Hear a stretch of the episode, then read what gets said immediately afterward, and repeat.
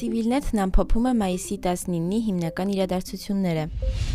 Պաշտպանության նախարարությունը հաղորդագրություն է տարածել մայիսի 19-ի առավոտյան դրությամբ Սյունիքի եւ Գեղարքունիքի մարզերի սահմանային որոշ հատվածներում իրավիճակի վերաբերյալ։ Նշվում է, որ սադրանքի իրականացման բոլոր ուղություններում թե տարածքները, թե ադրբեջանցի զինվորականները եւ թե նրանց ապահովման հնարավոր ուղիները շարունակում են գտնվել հայկական ուժերի լիարժեք վերահսկողության տակ։ Խնդրի խաղաղ կարգավորման շուրջ բանակցությունները դեռևս ընթացքի մեջ են։ Ըստ Պաշտպանության նախարարության ողջամիտ ժամկետներում լուծման բացակայության դեպքում Հայաստանի Հանրապետության զինված ուժերն իրավունք է վերապահում խնդիրը կարգավորել այլ, այդ թվում նաև ուժային տարբերակով։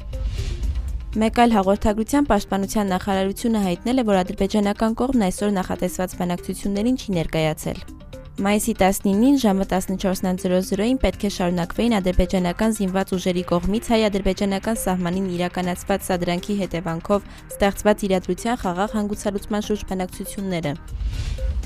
Ռուսաստանի արտաքին գործերի նախարար Սերգեյ Լավրովը հայտնել է, որ ՀԱՊԿ անդամ երկրների արտգործնախարարները մայիսի 18-ին քննարկել են Սյունիքի մարզում իրավիճակի վերաբերյալ Հայաստանի խնդրանքը։ Լավրովը հայտարարել է նաև, որ Հայաստանի եւ Ադրբեջանի միջև սահմանազատման քննարկումների ժամանակ Ռուսաստանն առաջարկել է միջնորդ դառնալ։ Սերգեյ Լավրովի խոսքով Մոսկվան հանդես կգա որպես հայ-ադրբեջանական հատուկ հանձնաժողովի խորհրդատու, որն էլ կլուծի սահմանային հարցերը։ Ռուսաստանի սահմանազատման աշխատանքներում միջնորդ լինելու առաջարկին պատասխանել է Հայաստանի անվտանգության խորհրդի քարտուղար Արմեն Գրիգորյանը եւ ընդգծել նման աշխատանքներ նախաձեռնելուց առաջ Հայաստանի Հանրապետության ինքնիշխան տարածքից ադրբեջանական զինված ուժերի ներկայացուցիչների դուրսբերման անհրաժեշտությունը, որից հետո միայն պայմաններ կստեղծվեն նման քննարկումների համար։ Բարձր են գնահատում ռուսական կողմի ջանքերը ստեղծված իրավիճակի հանգուցալուծմանը նպաստելու ուղղությամբ պատրաստակամություն հայտնելով շարունակել սերտ Միաժամանակ ընդգծում ենք, որ Հայաստանի համար տարածքային ամբողջականության լիարժեք պահպանումը քննարկման առարկա չի կարող լինել, նշել է Գրիգորյանը։ Մայիսի 19-ին Դուշանբեում տեղի է ունեցել հապկարտակին գործերի նախարարների խորհրդի նիստը նեղ այնուհետև ընդլայնված կազմով, որին Հայաստանի պատվիրակությունը գլխավորում էր արտաքին գործերի նախարարի պաշտոնակատար Արա Այվազյանը։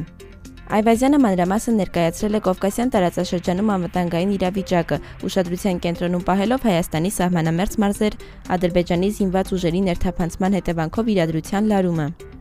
Նա նշել է, որ Ադրբեջանի զինված ուժերի ներթափանցումը Հայաստանի ինքնիշխան տարածք անմիջական սպառնալիք է ներկայացնում ՀԱՊԿ անդամ երկրի անվտանգության, տարածքային ամբողջականության եւ ինքնիշխանության համար, ինչը մարտահրավեր է կազմակերպության հավաքական անվտանգության համակարգի համար։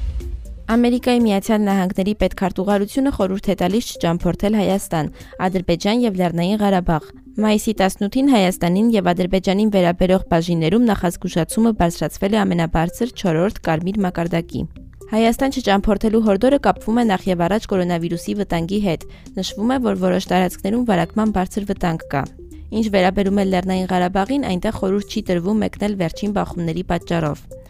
Պետքարտուղարությունը կոչ է անում իր քաղաքացիներին չճամփորդել նաև Ադրբեջան, որպես առաջնային վտանգ է նշվում ահաբեկչությունը։ Գերատեսչությունը տեղեկացնում է, որ Ադրբեջանում վաղուց արկա է ահաբեկչական խմբերից եկող վտանգը, որոնք շարունակում են հարձակումներ ծրագրել Ադրբեջանում։ Տեղեկատվությունը հիմնականում վերաբերում է Ադրբեջան-Իրան սահմանին։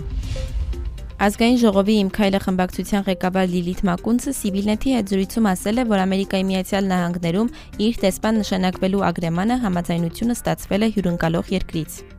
Նա ասել է, որ այդ հարցին կանդրադառնան հունիսի 20-ին սպասվող խորհրդարանական արտահերտ ընտրություններից հետո։